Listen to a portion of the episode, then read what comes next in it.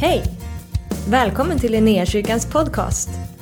Vi hoppas att det här ordet ska uppmuntra dig, stärka dig i din tro och leda dig in i djupare relation med Jesus. Gud välsigne dig i ditt lyssnande. Så här står det ifrån Petru, första Petrus brev. Och det här är det som vi vill gå in i den här hösten. Och vi ska ta kapitel 13 här alldeles strax. Men ingången i hur vi skulle vilja referera till varandra. Det finns en längtan i Paulus när han skriver sitt brev, Romarbrevet. Där det står att jag längtar efter att få komma till er. Och jag längtar efter att få komma till er och dela med någon utav en andlig gåva. Så det som Paulus längtar ytterst till när han möter sina bröder och systrar, det är inte bara att komma dit och ge lite kaka, eller bulle, eller en kudde, eller ett fint leende. Utan han säger, jag vill komma till dem och jag vill komma med dem med det andligt goda som Gud har gett mig. Jag vill komma och dela, och det är min längtan, att få komma till er och få dela med er. Och jag tror att det är så som vi ska se på varandra. Att vi bär en andlig gåva, att vi har tagit emot någonting. För det är ganska tydligt att vi tillhör varandra. Att han är huvudet och vi är kroppen och vi tillför varandra att vara tillsammans med varandra. Så här skriver Petrus, tjäna varandra. Var och en med den nådgåva han har fått som en, som en god förvaltare utav Guds mångfaldiga nåd. Tjäna varandra. Påbudet är ganska klart, eller hur? Bemästra inte varandra, positionera er inte över varandra, tvinga inte varandra, härska inte över varandra, utöva inte makt och myndighet, utan tjäna varandra. Tjäna varandra handlar om att kapitulera inför varandra. Det handlar helt enkelt om att ta det som är den gyllene regeln som Jesus undervisar om. Att göra för dem som är runt omkring dig så som du själv vill bli behandlad. Att tjäna varandra, att kapitulera. Och jag är gift, jag vet det är inte lätt. För att jag tänker så här, hon kunde minsann tagit diskmaskinen på morgonen. Hon har inte gjort den, nu gör inte jag den heller på kvällen. Och sen så är den full på dagen efter och så blir det kaos i köket. Eller hur? Mitt, min attityd borde ju vara, hon har inte gjort det men jag gör det för det var det som jag ville att hon skulle ut på morgonen. Även om hon glömde det. Men så lägger jag till allting det där av att hon hade nog egentligen tid. Hon bara var lat. Och då så ska jag minsann inte gå, eller hur? Så blir det bara fel. Bara för att kapitulera och resa oss upp och tjäna varandra. Och det var ju en, liksom en löjlig bagatell och tramsig situation. Men gäller inte det i allt? Eller hur? Någonstans så kan vi inte börja långt där borta med det som är oöverstigligt. Utan vi får börja någonstans med det som vi kan bestiga. Och det går faktiskt att bestiga en diskmaskin. Ah, det är inte orimligt.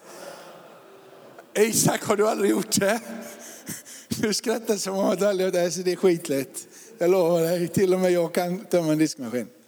Då kan vilket pucko det som helst. För jag är en av dem.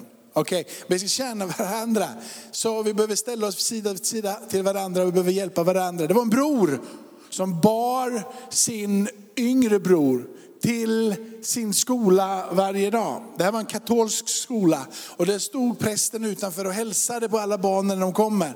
Och den här prästen såg den här äldre brodern som bar sin yngre broder varje dag. Varje dag hälsade dem, välsignade dem, önskade dem en trevlig dag. Till slut så har han sett det här så många gånger så han blir förundrad och äh, sett dem kanske, jag vet inte hur långt, men kanske år. Som man har sett brodern bära på sin yngre bror. För att han inte kan gå, för han är krymplig. Problem. Och i det så börjar den här prästen prata och ställer frågan, vad duktig du är. Du kämpar varenda morgon. Och jag ser att du, du ler när du kommer. Det är en stor börda för dig. Och varje dag så kommer du så lättsamt och bär din broder. Jag vill bara säga att Herren ser dig. Och du kan vara stolt över dig själv. För vi alla kan se vilken stor börda som du bär varje dag. Brodern tittar upp på prästen och så säger han, det är ingen börda, det är min bror.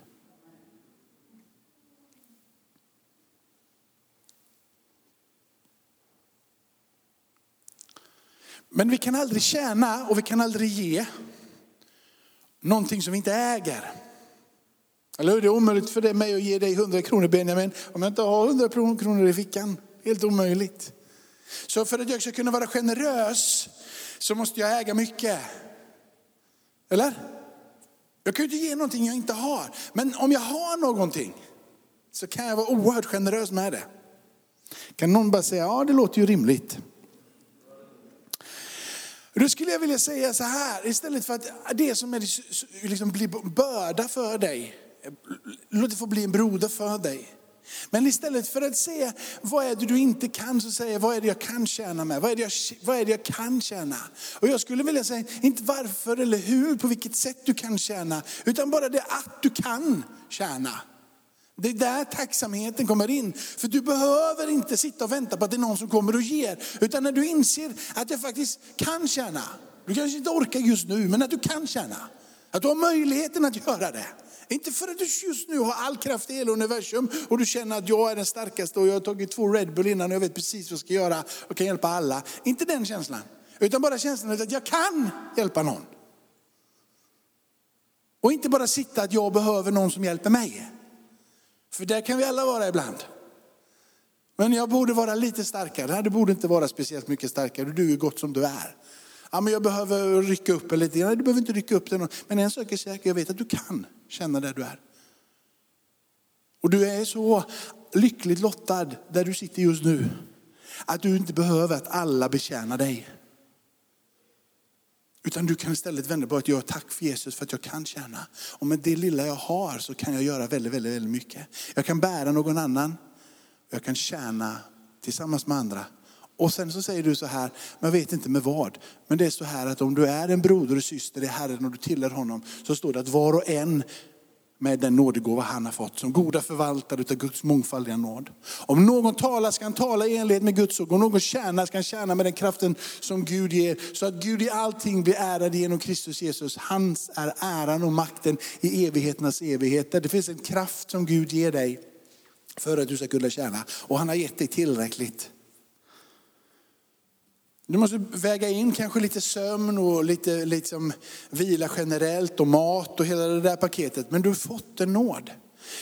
För mig så brukar jag säga så här, att det finns inte speciellt mycket nåd för att vara pastor. Och då tycker alla att det låter jättehemskt när man säger så. Liksom. Men vad jag menar är, därför att det finns väldigt mycket nåd att förkunna evangelium. Och det finns väldigt mycket nåd för att vara Jakob. Och det finns väldigt mycket nåd att få stå i Kristus. Och det finns väldigt mycket nåd för att hitta sin identitet i honom. Och när jag har min identitet i honom, när jag vet vem jag är i Kristus, när jag tar uppdraget att predika evangelium, helt plötsligt så finns det nåd för att vara pastor med.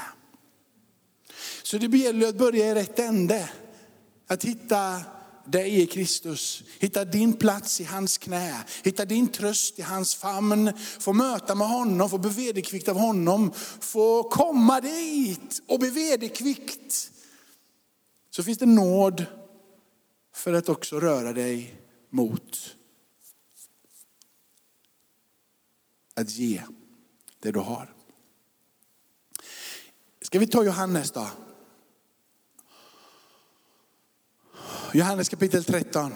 Nattvardsstunden som precis det här som jag önskar att kanske vara ännu mer invävt i den stunden som vi har nattvarden ibland. Att vi missar. Men när han hade tvättat deras fötter och tagit på sig manteln och lagt sig till bords igen så sa han till dem, förstår ni vad jag har gjort med er? Ni kallar mig mästare och herre och med det med rätta, för det är jag. Men nu jag, om nu jag, eran herre och mästare, har tvättat era fötter, så är också ni skyldiga att tvätta varandras fötter. Jag har gett er ett exempel för att ni ska göra som jag har gjort mot er. Jag säger sanningen. Tjänaren är inte större än sin herre. Och budbäraren är inte större än den som har sänt honom. När ni vet detta, saliga är ni också om ni gör det. Är inte det här precis det som Petrus säger? Tjäna varandra. Var ett exempel för varandra. Gå den extra milen för varandra. Ta inte, utan ge utav det du har. Och därför så ska vi nu, på vår egen mästares befallning, få vara med om dop här. Woo! Gabbe, kom. Tack för att du har varit med oss. Hoppas du känner dig inspirerad av Guds ord och har fått nya perspektiv.